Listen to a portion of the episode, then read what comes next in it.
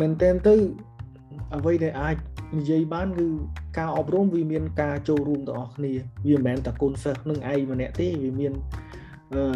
គ្រូបរិញ្ញាមានឪពុកម្ដាយមានសហគមន៍ហ្នឹងគឺត្រូវតែចូលរួមទាំងអស់គ្នាដើម្បីលើកស្ទួយវិស័យអប់រំឲ្យដើរទៅមុខណាបាទអញ្ចឹងដូចខ្ញុំលើកពីខាងដើមដែរគឺសិស្សគឺគាត់តតែប្រឹងខ្លួនឯងដែរហើយឪពុកម្ដាយក៏គាត់ជួយជំរុញនៅផ្ទះអញ្ចឹងទៅ ហើយក៏ជួយតាមដានការសិក្សារបស់សិស្សគ្រូគ្រូបង្រៀនក៏គាត់ខំប្រឹងជួយបន្ថែមទៀតគាត់រក technique រកអីបន្ថែមអីចឹងទៅអញ្ចឹងការអប់រំមួយដែលមានប្រសិទ្ធភាពតើតែយើងមានការចូលរួមទាំងអស់គ្នាយើងមិនអាចមានន័យថាការចូលរួមតែម្ខាងវាអត់មានប្រសិទ្ធភាពខ្ពស់ណា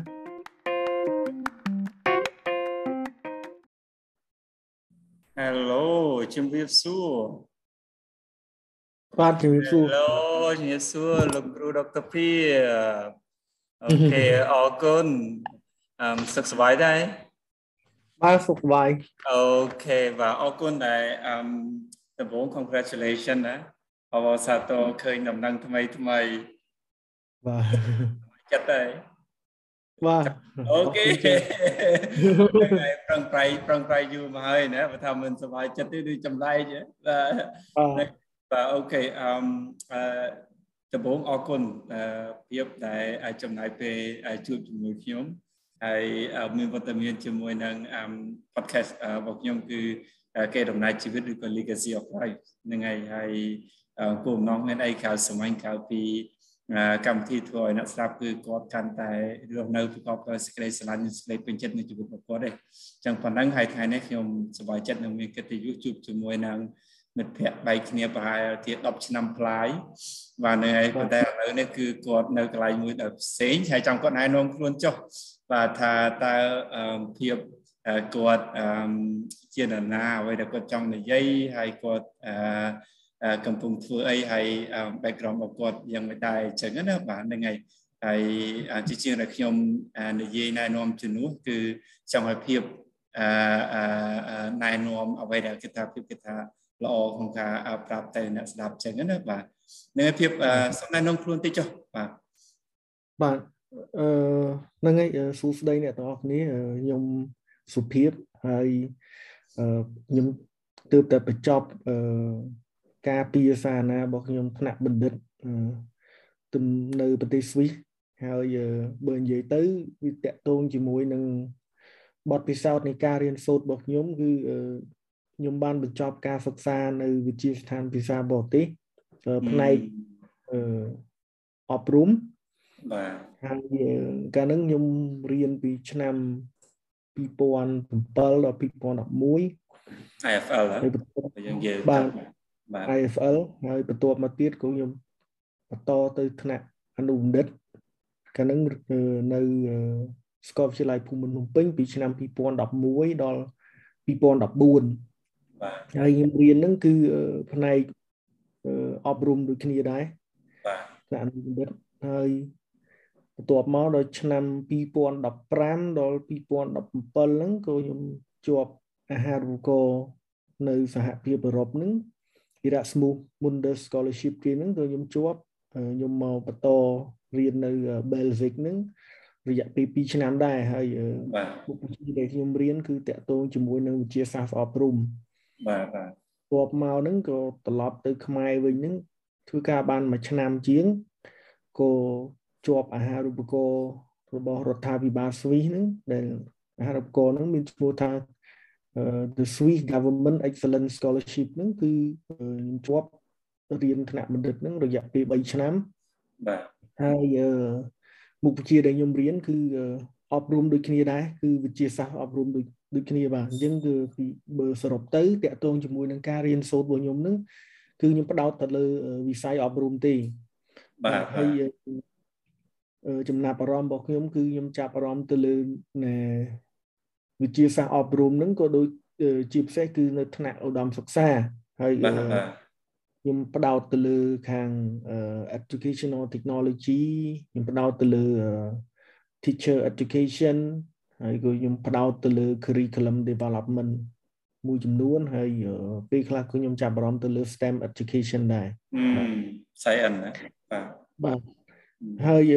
តកតងជាមួយនឹងអាជីពវិញក៏មិនចាក់ឆ្ងាយពីពីការរៀនសូត្ររបស់ខ្ញុំដែរបើអាជីពទៅ គឺជាមែនតែនទៅជាគ្រូបរិញ្ញានឹងវាចូលចូល10ឆ្នាំមកហើយជាងហើយអញ្ចឹង ខ្ញុំចាប់ផ្ដើមបរៀននៅជាគ្រូ part time ហ្នឹងគឺខ្ញុំចាប់បរៀននៅដំបូងនៅសាកលវិទ្យាល័យភ្នំពេញហ្នឹងគឺនៅឆ្នាំ2011 2011គឺខ្ញុំបរៀនជា part time នៅហ្នឹងបាទអឺបន្ទាប់មកទៀតគឺនៅឆ្នាំ2012ក៏ខ្ញុំបានជាប់ជាគ្រូបរៀន part time មួយទៀតនៅសាកលវិទ្យាល័យកម្ពុជាបាទហើយខ្ញុំ ធ្វើការហ្នឹងគឺរហូតដល់2015ក៏ខ្ញុំជាប់អាហារូបករណ៍ទៅរៀននៅ Belgic ដែលដូចខ្ញុំបានលើកឡើងមួយនឹងអញ្ចឹងបាទបាទគាត់មកខ្ញុំត្រឡប់មកវិញហ្នឹង2017 2017ក៏ខ្ញុំបានចូលចូលធ្វើការនៅកន្លែងចាស់វិញគឺខ្ញុំធ្វើជាគ្រូបរិញ្ញា part time នៅសាកលវិទ្យាល័យកម្ពុជាហើយក៏ខ្ញុំធ្វើខ្ញុំធ្វើការជាមួយនឹង World Vision World Vision International Cambodia ហ្នឹងគឺអង្គការទស្សនៈពិភពលោកហ្នឹងគឺខ្ញុំផ្ដោតទៅលើខាងខាងខ្ញុំកាលហ្នឹងគឺខ្ញុំមានមុខតំណែងជា Basic Education Specialist គឺអ្នកជំនាញខាងការអប់រំនៅថ្នាក់អឺអឺមូលដ្ឋានហើយ បាទហើយអញ្ចឹងទៅខ្ញុំធ្វើការនឹងធ្វើឲ្យគម្រោងគម្រោងមួយដែលគេហៅថា All Children Reading Cambodia អញ្ចឹងខ្ញុំផ្ដោតផ្ដោតទៅលើការអានការពីជាពិសេសគឺសមត្ថភាពក្នុងការអានរបស់កុមារអញ្ចឹងបាទអញ្ចឹងគម្រោងហ្នឹងគឺគេឥឡូវហ្នឹងគឺគម្រោងហ្នឹងត្រូវបានផ្សព្វផ្សាយទូទាំងប្រទេសហើយហើយខ្ញុំកាលហ្នឹងគឺខ្ញុំដោតទៅលើ curriculum បដោតទៅលើ training គ្រូបរៀននៅពេលដែលយើង មានកម្មវិធីសិក្សាថ្មីអញ្ចឹងតើតើយើងត្រូវបរៀនឬក៏ណែនាំគាត់របៀបម៉េចដើម្បីឲ្យទទួលឲ្យសិស្សទទួលបានចំណេះដឹងបានលឿនបានល្អអញ្ចឹងណាបាទហើយហ្នឹងហើយហើយបន្ទាប់មកទៀតគឺខ្ញុំក៏បានចូលទៅខាងខ្ញុំក៏ឆ្លៀតឆ្នាំ2019ហ្នឹង2019ដើមឆ្នាំខែ1ហ្នឹងក៏ខ្ញុំ វិលត្រឡប់មកចូលមកសាកលវិទ្យាល័យវិញគឺខ្ញុំធ្វើនៅសាកលវិទ្យាល័យពុទ្ធសាសក្នុងឆ្នាំ2019ខែ1ហ្នឹងខ្ញុំធ្វើប៉ុន្តែមិនខ្ញុំធ្វើមិនបានយូរទេដោយសារខ្ញុំត្រូវជាប់អាហារូបករណ៍ចេញមកក្រៅនេះហើយគឺខ្ញុំធ្វើបានអឺបានប្រខ្ទង់8ខែ9ខែដែរ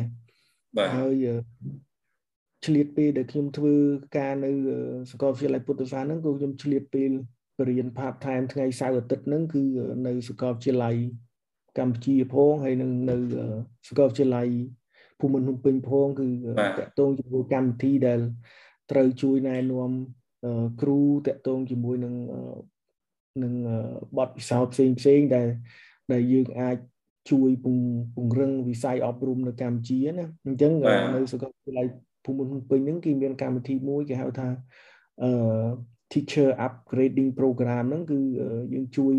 ពង្រីកចំណេះដឹងរបស់លោកគ្រូអ្នកគ្រូដែលគាត់រៀននៅដែលគាត់បរៀននៅអនុវិទ្យាល័យនិងវិទ្យាល័យអញ្ចឹងខ្ញុំបានចូលរួមកម្មវិធីហ្នឹងហើយ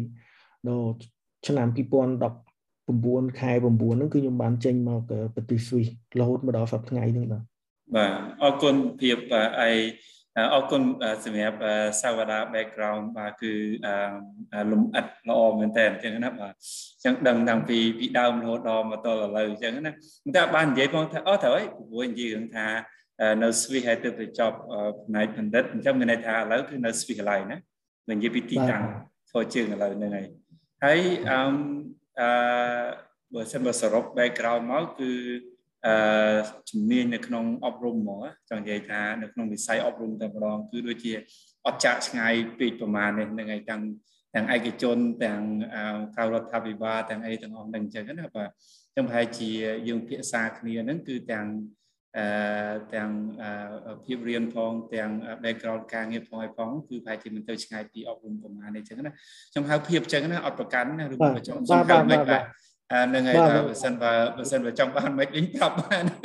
អត់ទេបានហ្នឹងហើយខ្ញុំហៅលោកគ្រូដុកទ័រភាពបើពីការដាក់ចាប់ប្រាប់តែដល់ពេលយូរទៅគឺដឹងថាយើងទៅជំនាញធាក់បាត់ហ្នឹងហើយដោយសារតែរៀងសាវតាជាលក្ខណៈមិត្តភ័ក្តិបន្តិចដោយសារតែខ្ញុំស្គាល់ភាពហ្នឹងគឺប្រហែលជាខ្ញុំនិយាយ10ឆ្នាំប្លាយហ្នឹងគឺនៅពេលជួបគ្នានៅភូមិភ្នំពេញហ្នឹងឯងបាទហ្នឹងហើយអញ្ចឹងគឺខ្ញុំអត់សូវពិបាកចំណាំទេបាទគឺមនុស្សដែល easy going ដែល ស្គាល់គេស្ទើរតែគ្រប់គ្នាហើយជួយចិត្តធ្វើឲ្យគេសុបាយនាំគេសើចហើយនឹងអឺបាទគឺនិយាយពីនេះពីនោះអីហ្នឹងគឺអឺចក្រិតសើចអីហ្នឹងគឺភាពហើយបាទហ្នឹងអនុស្សាវរីយ៍ខ្ញុំហត់ប្របាក់ចាំបាទហ្នឹងហើយបាទចឹងគឺចំណុចពិសេស unique របស់ភាពបាទហើយអរគុណមែនតើសម្រាប់ពេលវេលាភាពហើយអឺខ្ញុំចង់អឺនឹងបន្តទៅទៀតទៅនឹងអ្វីដែលភាពលើកឡើងមិញមិញ ដើម្បីយើងនិយាយទៅជាលក្ខណៈគេហៅថាចែករំលែកនៅជ្រុងណាដែលយើងអាចថារៀនសូត្រពីគ្នាទៅវិញទៅមកហើយក៏ជាផលវិជ្ជមានទៅក្នុងសង្គមអីជាដើមដាក់ប៉ុន្តែមុននឹងខ្ញុំបន្តភាពមានកម្រងមកកម្ពុជាវិញដែរបន្ទាប់ពីនេះទៅ the next plan ឬមួយក៏ទៅណាវិញគម្រោងបន្ទាប់ខ្ញុំកំពុងតែសឹកត្រៀមថាតើគួរបន្តយក ថ្នាក់ក្រោយបណ្ឌិតទៀតនៅប្រទេសណាចាំមើលខ្ញុំកំពុងតែគិតទៅបាទហើយមួយទៀតក៏មានគម្រោងណែត្រឡប់ទៅវិញដែរប៉ុន្តែគម្រោងគម្រោងទី1របស់ខ្ញុំគឺខ្ញុំត្រូវកំពុងតែរកមើលថ្នាក់ក្រោយបណ្ឌិតហើយកំពុងរងចាំលទ្ធផលរបស់គេណាបាទបាទអូខេបាទហ្នឹងហើយបាទអូខេ good luck ចឹងបាទសំណាងល្អនៅអ្វីដែលជា next plan មកសុខវិញក៏បានទៅសិនក៏បានបាទ អឺខ្ញុំចង់បកភាពទៅក្រោយបន្តិចបាទកុំឲ្យថាយើងអាយុរៀងជ្រេទៅកុំឲ្យថាផ្លិចពីកុមារភាពអញ្ចឹងណាខ្ញុំចង់បកភាពទៅបន្តិចបើមានក៏មានចោះថាក្តីសម័យដំបងដំបងដែលភាពនៅចាំបានអញ្ចឹងនិយាយថានៅចាំបានចោះថាតើអឺ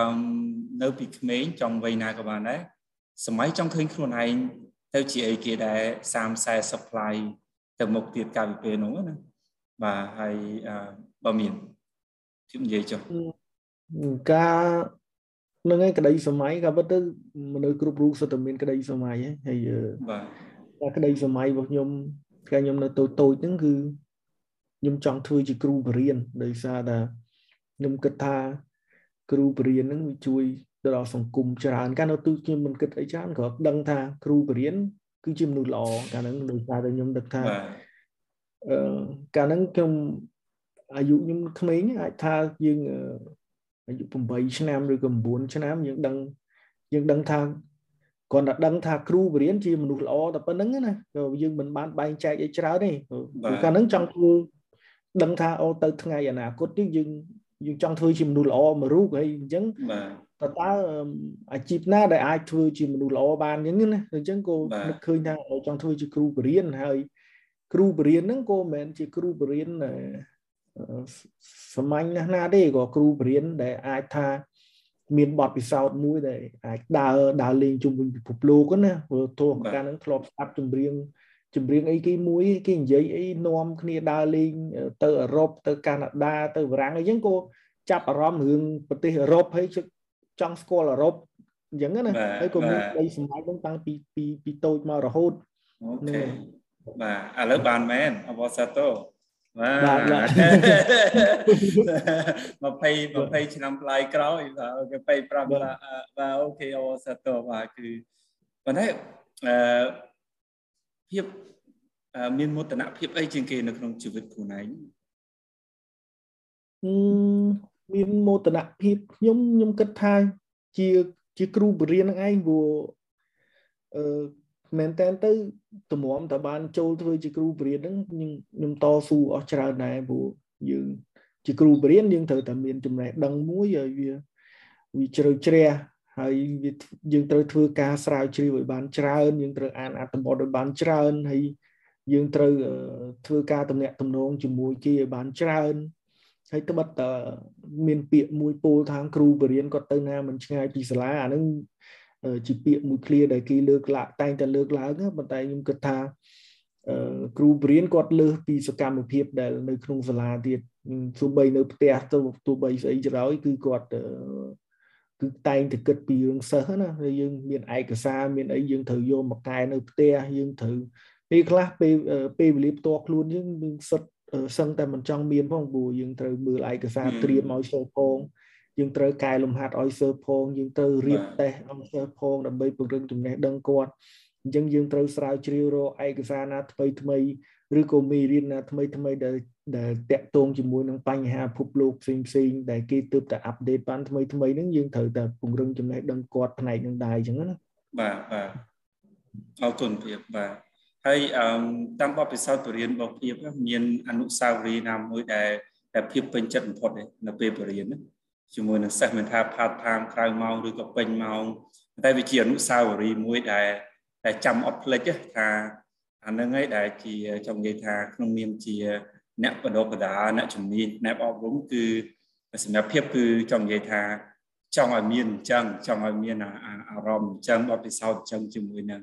ជាមួយនឹងសិស្សជាមួយនៅក្នុងថ្នាក់បរិយាកាសនៅក្នុងថ្នាក់អញ្ចឹងមានមានជាអនុស្សាវរីយ៍ដែល តែពេញចិត្តហ្មងនៅពេលនឹងថាយើងជាមួយសិស្សឬក៏ជាមួយនឹងការបរិញ្ញាបត្រយើងនេះក៏ពិតអនុស្សាវរីយ៍មានច្រើនណាស់យើងតាក់ទងជាមួយគ្រូបរៀន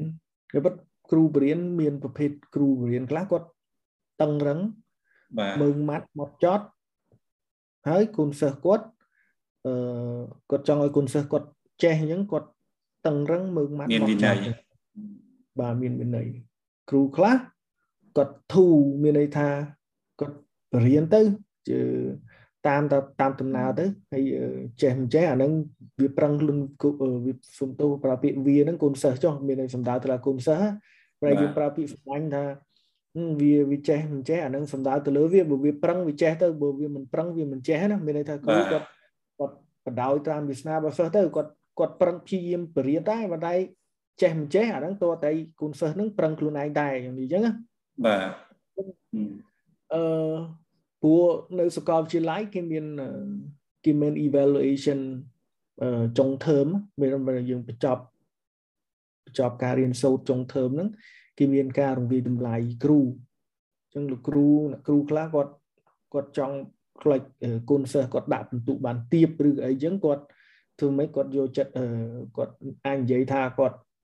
យកយកយកចិត្តទុកដាក់ជាមួយសិស្សខ្លះដែរចឹងថាមិនហ៊ានធ្វើ មិនហ៊ានគៀបចង់និយាយថាដាក់សម្ពាធសិស្សឲ្យធ្វើការច្រើនឬក៏មើងម៉ាត់ជាមួយសិស្សខ្លាំងពេកព្រោះខ្លាចចុងធើមហ្នឹងកូនសិស្សដាក់បន្ទុកឲ្យទៀបអីចឹងចុះបាទប្រែខ្ញុំខ្ញុំខ្ញុំមានគោលការណ៍ខ្ញុំមួយគឺយើងខ្ញុំធ្វើជាគ្រូបរិញ្ញាខ្ញុំមិនដែលគិតថាខ្ញុំខ្លាចនឹងពាក្យរិះគន់ឬក៏ខ្លាចណែគូនសិស្សដាក់បន្ទុកទៀបទៅទេខ្ញុំមិនខ្ញុំមិនគិតចឹងទេខ្ញុំគិតថាគោលការណ៍ជាគ្រូបរិញ្ញាគឺយើងបណ្ដុះបណ្ដាល គូនសិស្សឲ្យអស់ពីលទ្ធភាពរបស់យើងណានិយាយថាគូនសិស្សគាត់មើលឃើញមួយជ្រុងហើយយើងជាគ្រូយើងមើលឃើញច្រើនជ្រុងជាងគាត់អញ្ចឹងអ្វីដែលគាត់ទទួលយកបានគាត់ដែលក្រេបជញ្ជក់ចំណេះដឹងពីយើងឬក៏អ្វីដែលយើងអាចជួយគាត់ហ្នឹងគឺនៅក្នុងពេលដែលគាត់កំពុងរៀនមួយយើងហ្នឹងគាត់នឹងអរគុណយើងនៅលើក្រោយនៅពេលដែលគាត់បញ្ចប់ការសិក្សាណាអញ្ចឹងខ្ញុំជាមនុស្សលេងសើច ច្រើនប៉ុន្តែខ្ញុំមើងម៉ាត់មកចត់ក្នុងការងារអញ្ចឹងណាបាទអញ្ចឹងអឺមែនតើទៅគុណសិស្សពីដើមខ្ញុំអាចគិតថាសឹងតែគ្រប់ថ្នាក់ទាំងអស់ពេលខ្ញុំចាប់ដើមបរិញ្ញាគុណសិស្សគាត់មិនទៅជាចូលចិត្តប្រហែលទេដោយសារតែខ្ញុំតឹងរឹងមើងម៉ាត់ពេកអញ្ចឹងណាបាទហើយ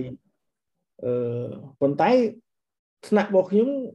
គោពូពេញទៅដោយក្តីរីករាយដែរព្រោះខ្ញុំចូលចិត្តមិចអារម្មណ៍នឹងចូលគ្នាទាំងអស់មានន័យថាទាំងក្តីសុបាយទាំងរីករាយទាំងភ័យធ្វើកូនសិស្សភ័យទៀតព្រោះគ្វីសដែលខ្ញុំដាក់គឺខ្ញុំកម្រដែលប្រាប់គាត់ថាអូថ្ងៃហ្នឹងមានគ្វីសថ្ងៃឬក៏ថ្ងៃស្អែកមានគ្វីសខ្ញុំអត់ទេគឺខ្ញុំមកគ្វីសគឺគ្វីសដាក់គ្វីសទៅហើយមេរៀនដែលខ្ញុំដាក់ប្រឡងហ្នឹងភាគច្រើនគឺពេលដំបូងឡើយគឺមុននឹងចាប់ផ្ដើម ការសិក្សាឬក៏វគ្គថ្មីខ្ញុំតែងតែប្រាប់គាត់ថាមេរៀនដែលខ្ញុំដាក់ប្រឡងវាអាចចេញលើសមួយមួយ unit ឬក៏មួយ chapter នៃការបរៀនគឺថាខ្ញុំបរៀននៅអឺ unit 1អញ្ចឹងការ quiz វាអាចចេញលើស unit 1វាអាចចេញដល់ unit 2ទីទួអញ្ចឹងណាដើម្បីលើកទឹកចិត្តគូសិស្សនឹងគាត់អាននឹងគាត់ត្រៀមទុកមុនកុំឲ្យថាតើគ្រូបរៀនដល់អីបានគាត់រៀនហ្នឹងណា បាទបាទបាទអញ្ចឹងមែនតើទៅវាអារម្មណ៍ហ្នឹងវាមិនបញ្ចូលគ្នាទាំងអស់បាទបាទអរគុណអឺខ្ញុំគិតថាមួយយ៉ាងដែរដោយសារតែភាពន័យថាប្រើរបៀបបរៀនគឺមិចចម្រោះចូលគ្នាទាំងសបាយទាំងជូរចត់ទាំងអីគឺបទពិសោធន៍គឺលីឡំទាំងអស់ហ្នឹងមិនកាយទៅតែកាយសបាយទៅតែសបាយមានន័យថាសិស្សគឺសបាយតែរហូតថ្នាក់គាត់ ប៉ុន្តែដល់ពេលលទ្ធផលគឺពិបាកទូយកបាននៅខ្លះទៀតគឺកាយកាយចឹងទៅអីចឹងចឹងគឺ mitch បាទហើយភាពមាន teaching hero មានគ្រូដែលជាគំរូដែលមិនចាំបាច់អត់ខ្ចោះក៏បានដែរប៉ុន្តែគឺនៅក្នុងចិត្តភាពគឺអាចថាគាត់នឹងគឺនៅក្នុងចិត្តបេះដូងភាពនឹងច្រើនជាងគេវិញនិយាយវិញថាគ្រូណាដែលមានគំរូល្អសម្រាប់ ភាពតាំងពីខ្លួនឯងជាសិស្សរហូតដល់បរិញ្ញាខ្លួនឯងមកទល់ឥឡូវហ្នឹងគឺបណ្ឌិតទៅទៅចប់នៅស្វីសហ្នឹងគេថាមានមានបុគ្គលណាម្នាក់ដែលអាចថាមើលទៅគាត់គួរឲ្យបើជាមនុស្សម្នាក់គឺអាចរៀនពីគាត់បានច្រើនណាបាទឬមកក៏រៀនជាមួយគាត់គឺអឺនៅក្នុងថ្នាក់ជាមួយគាត់គឺ amazing ហ្មងចង់និយាយថាគឺយើងពេញចិត្តមកអារម្មណ៍មួយនឹងក្នុងនាមជាជាសិស្សឬក៏ជាសហការីការងារជាមួយអញ្ចឹងអឺ ក៏ពិតខ្ញុំមានគ្រូគ្រូម្នាក់ដែរគាត់ដែលខ្ញុំតែងតែសរសើរគាត់និងគិតថាគាត់ជា role model របស់ខ្ញុំលោកគ្រូនឹងគាត់ឈ្មោះនឹងអ៊ុំច័ន្ទបញ្ញរាបាទអញ្ចឹងគាត់គាត់គាត់ជាអតីតគ្រូបរៀនភាសាអង់គ្លេស part time របស់ខ្ញុំកាលពេលខ្ញុំនៅកាលហ្នឹងខ្ញុំរៀនថ្នាក់ទី ទី9អឺទី10ឬក៏ទីទី9ទី10ទេបាទហើយលោកគ្រូក៏គាត់មែនតើទៅក៏គាត់បានណែនាំខ្ញុំឲ្យពីការរៀនសូត្រនិយាយរួមក៏គាត់យកចិត្តទុកដាក់ជាមួយសិស្សអាចនិយាយថាគាត់គាត់មឹងម៉ាត់ជាមួយសិស្សប៉ុន្តែក៏គាត់មិនខ្ញុំនិយាយថាមិនដាច់អហង្ការវិញដែរខ្ញុំនិយាយថាគាត់ជាមនុស្សម្នាក់ដែលនិយាយទៅ គាត់ជាមនុស្សម្នាក់ដែលមើងម៉ាត់មកចត់ជាមួយការងារហើយគាត់ជាមនុស្សចិត្តទលាយនិយាយជាគ្រូបរៀនគ្រូបរៀនសំខាន់មែនទែនគឺបើកចិត្តឲ្យទលាយគុណសិស្សព្រោះគុណសិស្សសួរគុណសិស្សអីគឺយើងបើកចិត្តទលាយជាមួយសិស្សកាលណាយើងបើកអឺយើងមិនមានចិត្តទលាយជាមួយសិស្សទេគុណសិស្សសួរអីតិចតួចធ្វើមុខកញេកញើឬមិនចង់ឆ្លើយមិនចង់អីហ្នឹងវាវា ការអប់រំវាអត់ទៅមុខអញ្ចឹងគ្រូបរិញ្ញាគ្រូគុំមែនគឺបើកចិត្តឲ្យទលាយទោះបីសំណួរខ្លះកូនសិស្សសួរទៅយើងឆ្លើយមិនចេញគឺយើងព្យាយាមទៅព្យាយាមរកចម្លើយឬក៏ព្យាយាមពិភាក្សាជាមួយសិស្សអីយើងប្រាប់ឲ្យគាត់ទៅផ្លូវណាផ្លូវណាអញ្ចឹងណាអញ្ចឹងគោលគំរូរបស់ខ្ញុំហ្នឹងគឺលោកគ្រូអ៊ុំច័ន្ទបញ្ញរាហ្នឹងឯងបាទ អរគុណបាទសង្ឃឹមថាគាត់លឺចុះឲ្យគាត់ស្បายចិត្តដែរចឹងបាទខ្ញុំគិតថាម្យ៉ាងដែរភាពលើកឡើងវិញអញ្ចឹងថាជាគ្រូម្នាក់នៅពេលខ្លះសិស្សក៏ឃើញតែយើងនៅក្នុងថ្នាក់នៅពេលដែលយើងចូលទៅណាប៉ុន្តែគាត់បានដឹងទេថាមុននឹងហើយនឹងក្រោយនឹងហើយនឹងកណ្ដាលនឹងមានអីកើតឡើងខ្លះបាទហ្នឹងហើយអឺសម្ពាធទាំងអស់នឹងពីផ្ទាល់ខ្លួនការសិក្សាខ្លួនឯងផងហើយនឹងការងារឆ្នាំដាក់អឺតាមបទពិសោធន៍របស់ភាពអឺនៅពេលដែល អឺភាពរៀនឲ្យរងសម្ពាធអញ្ចឹងណាព្រោះមិញដូចភាពថាអញ្ចឹងថាសំខាន់មែនតើដែលយើងឆ្លើយតបទៅសិស្សនឹងនៅក្នុងន័យបើកទូលាយ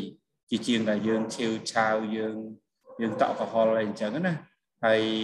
អន្ទឹមហ្នឹងដូចភាពលើកឡើងមកអញ្ចឹងថាជាអ្នកបរិញ្ញាម្នាក់អប់រំម្នាក់មិនមែនគ្រាន់តែចូលទៅក្នុងថ្នាក់ចប់ហើយទៅវិញគឺហើយអស់ហើយដល់និយាយអញ្ចឹងវាមានរឿងផ្សេងផ្សេងទៀតអញ្ចឹង ភាពតាមបបពិសោធន៍មានជា technique ឬបច្ចេកទេសអីបើសិនបើតាមទីមួយសម្ពាធតខ្លួនហើយត្រូវទៅមានតរយៈភាពជាមួយនឹងការបរិញ្ញានេះដើម្បីកុំឲ្យយើងយកអារម្មណ៍សម្ពាធពីខាងក្រៅហ្នឹងគឺទៅដោយសិស្សគ្នាអត់ដឹងអត់ដឹងណាចង់និយាយថា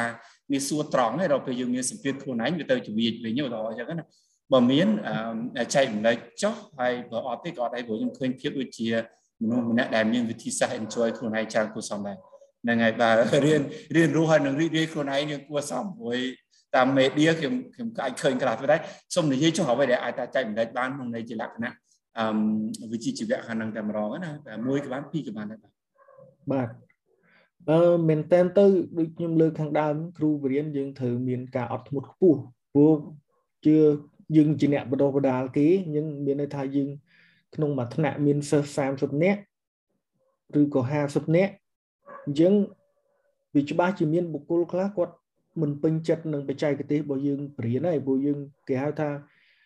អឺយើងមិនអាចយកអា teaching method មួយទៅទៅដាក់ទៅឲ្យសិស្ស50អ្នករីករាយទាំងអស់ទេអញ្ចឹងណា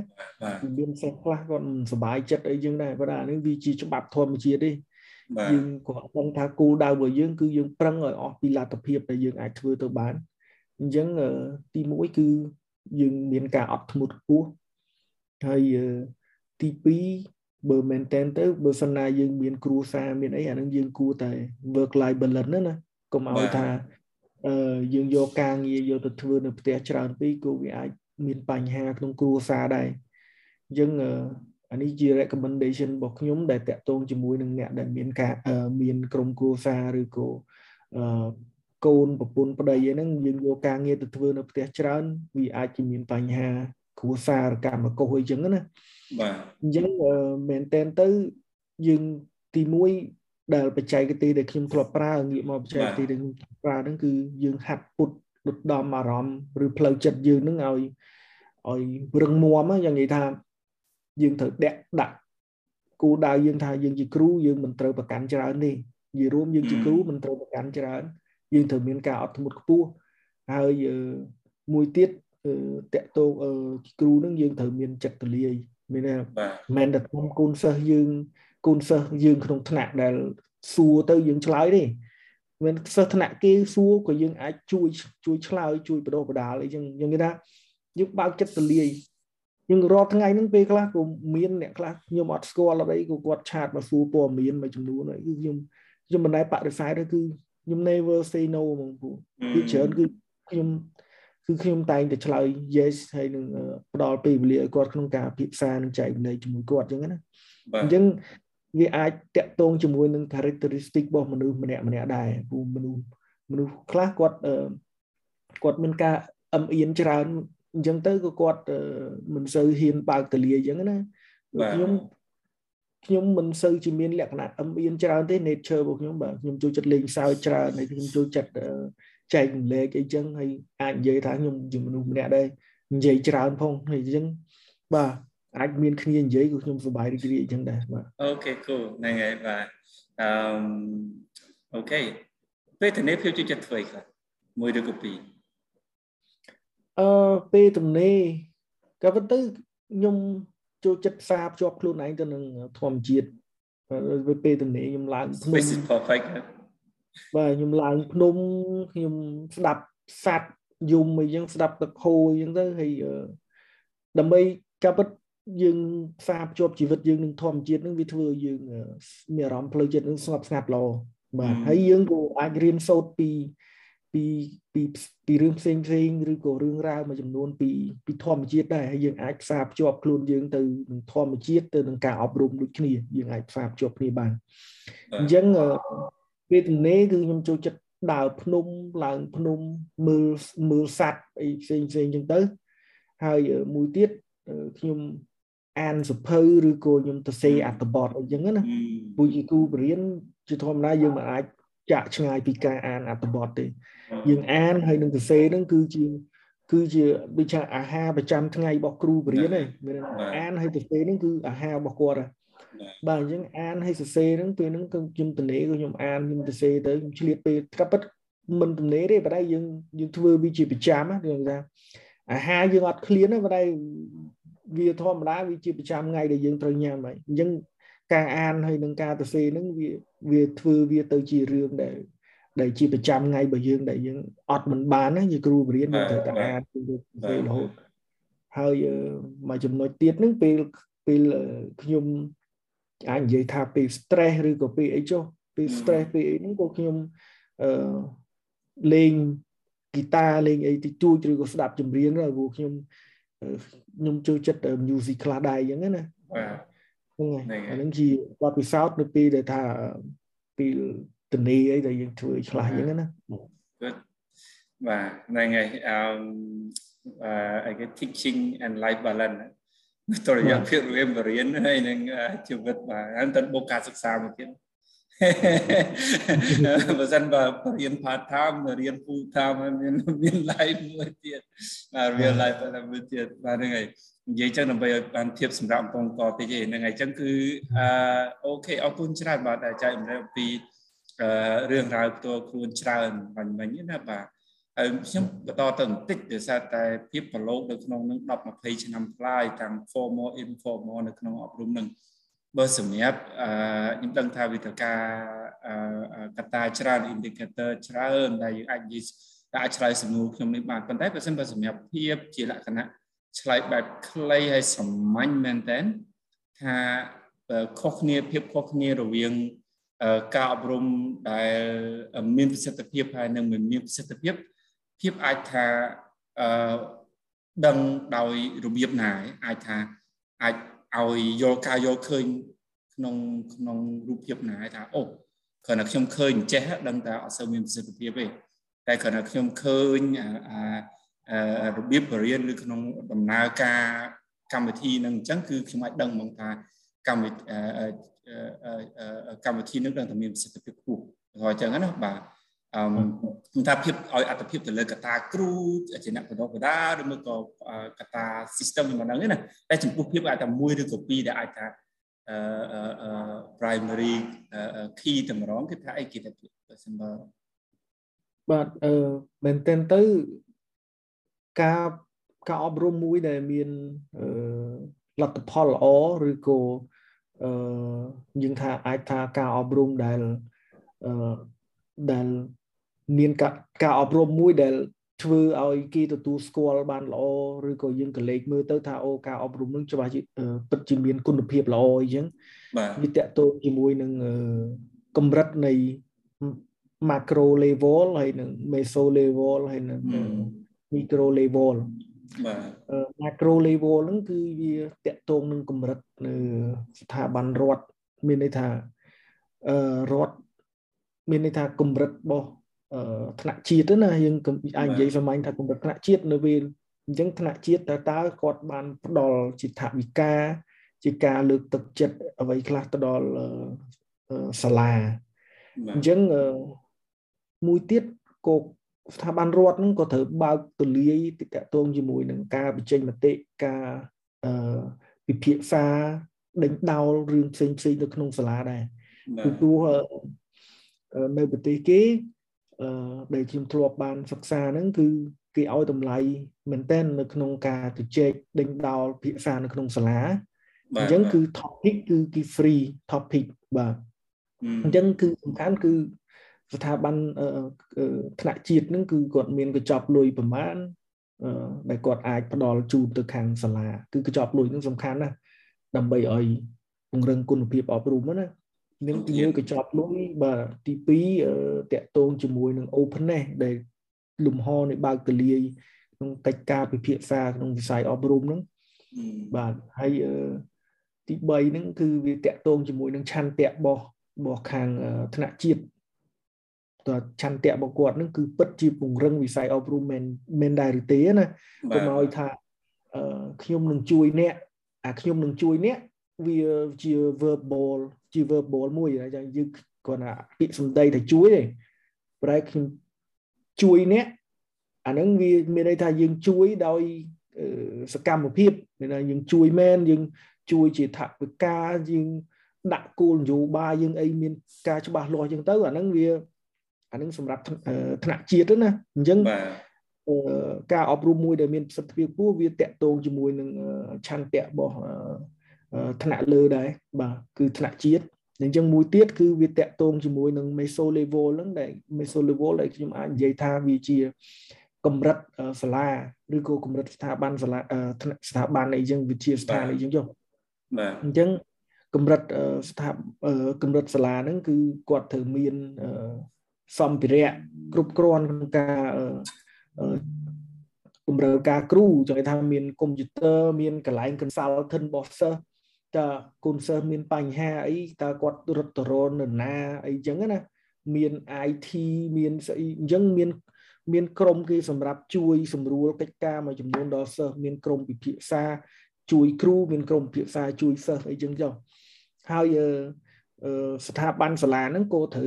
មានលក្ខណៈ openness ដែរគាត់ត្រូវបើកទលាយដូចគ្នាអញ្ចឹងអាពី openness ហ្នឹងគឺបើកចំហអាលំហផ្លូវចិត្តហ្នឹងគឺ បើកទលាយយើងមិនត្រូវបិទទេខ្ញុំនិយាយអញ្ចឹងបាទបាទមានន័យថាកាលណាយើងបើកលំបើកលំហផ្លូវចិត្តគឺយើងទទួលបានអា innovation យើងគំនិតថ្មីថ្មីការក្នុងការអភិវឌ្ឍណាបាទបាទហើយយើងបើតកតងជាមួយមីមីក្រូ level បាទមីក្រូ level គឺកម្រិតគ្រូបរៀនគ្រូបរៀនហ្នឹងគឺគាត់ដូចខ្ញុំលើកឡើងខាងដើមអញ្ចឹងគ្រូគាត់ត្រូវមាន ភាពអត់ធ្មត់ខ្ពស់ហើយគាត់ត្រូវមានបើកចិត្តឲ្យទលាយជាមួយសិស្សហើយចំណេះដឹងគ្រូខ្ញុំគិតថានៅពេលដែលគ្រូគាត់បើកចិត្តទលាយគឺគាត់មិនត្រឹមតែរៀនសូត្រពីសភៅទេគាត់រៀនសូត្រពីសិស្សខ្លួនគាត់បាទពីមួយឆ្នាំទៅមួយឆ្នាំរឿងគិតថាពីថ្នាក់មួយទៅថ្នាក់មួយគាត់រៀនសូត្របានច្រើនណាពីសិស្សគាត់អញ្ចឹងសំខាន់មែនតើគ្រូបាទ ហ្នឹងហើយគឺអរគុណខ្ញុំប៉ុណ្្នឹងបាទបាទអរគុណបាទហ្នឹងហើយអរគុណច្រើនភាពបាទតកតងទៅនឹងកន្លែងហ្នឹងហើយបាទគឺជា3 level ហ្នឹងហើយអរគុណច្រើនដើម្បីបាទតកតងនឹងប្រសិទ្ធភាពអឺបើសិនបើភាពត្រឡប់មកវិញគិតថាអ្វីមួយប្រកបដោយទំនុកចិត្តដែលភាពគិតថានឹងចង់យកត្រឡប់មកវិញដាក់នៅក្នុងវលីត្រឡប់មកស្រុកខ្មែរវិញដើម្បីឲ្យអ្វីដែលក្តីសបិនរបស់ភាពកាលពីមុនបាទគឺខ្លាចជាបុគ្គលល្អម្នាក់ហើយជាគ្រូបរិញ្ញា ម្នាក់ដែលខ្លួនពេញចិត្តហ្នឹងគឺថាអ្វីយកមួយចុះបាទបើពីរយ៉ាងច្រើនចុះគឺថាអីគេដែលនឹងយកមកវិញហើយបដិញ្ញាថានឹងនឹងយកមកព្យាយាមដើម្បីចង់និយាយថាឲ្យវារីកស្គុះស្គាយនៅក្នុងកន្លែងហ្នឹងណាបាទចំណុចហ្នឹងណាបាទតាមដែលចំណេះដឹងដែលបានខំប្រឹងស្រូបយកមកកន្លងមកច្រើនឆ្នាំហើយ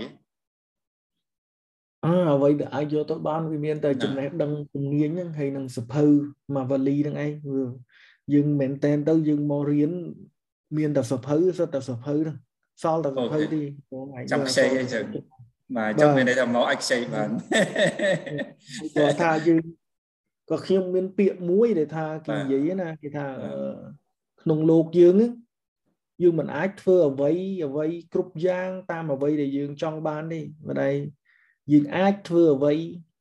ទៅតាមអ្វីមួយដែលយើងអាចធ្វើទៅបានអញ្ចឹង អ្វីដែលយើងអាចធ្វើទៅបានបាទហ្នឹងហើយហើយអ្វីដែលអាចធ្វើទៅបានមកវិញគឺសិភៅបាទបាទបាទមកវិញយកមកសិភៅតាំងតាំងអាប៉ះបានហើយនឹងអត់ប៉ះអត់បានមួយទៀតអូខេបាទអឺចុងក្រោយហើយទៀតអឺបើសិនបើឥឡូវនេះភាពកំពុងតែអង្គុយជាមួយនឹងមនុស្សអឺ3អ្នកផ្សេងទៀតអញ្ចឹងណាបាទហើយម្នាក់នោះគឺជាម្ដាយឬក៏ឪពុកនៃសិស្ស ហើយម្នាក់ទៀតនោះគឺជាគ្រូម្នាក់ដែលមកពីសហគមន៍ខ្មែរយើងបាទគាត់ជាគ្រូនឹងថាគាត់មានបទពិសោធន៍ប្រហែលឆ្នាំទេហើយម្នាក់ទៀតគឺជាក្មេងម្នាក់តែគាត់អត់ដឹងថាគាត់គួររៀននឹងថាគាត់រៀនបកែអត់ទេអត់ទេប៉ុន្តែដឹងថាគាត់ជាសិស្សក្មេងម្នាក់ឯងគេថាភាពនឹងមានពាក្យអីមួយម៉ាត់ទៅគាត់ខាន់គាត់ទាំង3ឯងមួយម៉ាត់ម្នាក់ហ្នឹងគេថាអ្វីដែលជាពាក្យរបស់ភាពតាមតែអឺមិនក៏បានដែរ ដើម្បីនិយាយទៅកាន់គាត់មិនថាឲ្យកម្លាំងចិត្តគាត់ឬមួយក៏លើកទឹកចិត្តគាត់ឬមួយក៏អឺក្នុងនាមជាអ្នកអប់រំម្នាក់ឬមួយក៏ដែលបានសិក្សាទើបទៅចប់បណ្ឌិតមកពី Swiss ហ្នឹងណាបាទ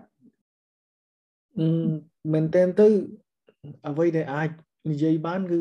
ការអប់រំវាមានការចូលរួមទាំងអស់គ្នាវាមិនមែនតែកូនសិស្សនឹងឯងម្នាក់ទេវាមានអឺគ្រូបរិញ្ញាមានឪពុកម្ដាយមានសហគមន៍ហ្នឹងគឺត្រូវតែចូលរួមទាំងអស់គ្នាដើម្បីលើកស្ទួយវិស័យអប់រំឲ្យដើរទៅមុខណាបាទអញ្ចឹងដូចខ្ញុំលើកពីខាងដើមដែរគឺសិស្សគឺគាត់តតែប្រឹងខ្លួនឯងដែរហើយឪពុកម្ដាយក៏គាត់ជួយជំរុញនៅផ្ទះអញ្ចឹងទៅហើយក៏ជួយតាមដានការសិក្សារបស់សិស្សគ្រូគ្រូបង្រៀនក៏គាត់ខំប្រឹង ជួយបន្ថែមទៀតគាត់រក technique រកអីបន្ថែមអីចឹងទៅអញ្ចឹងការអប់រំមួយដែលមានប្រសិទ្ធភាពតើតែយើងមានការចូលរួមទាំងអស់គ្នាយើងមិនអាចមានន័យថាការចូលរួមតែមួយខាងវាអត់មានប្រសិទ្ធភាពខ្ពស់ណាបាទអាហ្នឹងគឺហើយមែនតែនទៅអានេះជាអាចនិយាយថាជាវាទូទៅដែលមានពាក្យគេនិយាយថាធ្វើម៉េចការអប់រំដែលមានប្រសិទ្ធភាពខ្ពស់តើតែចូលរួមគ្រប់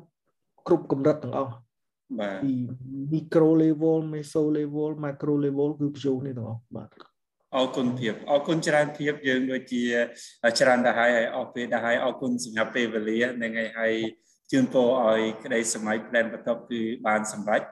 មានក្តីសុខភាពស្រឡាញ់ទាំងអស់នឹងអរគុណសម្រាប់ពេលវេលានោះភាព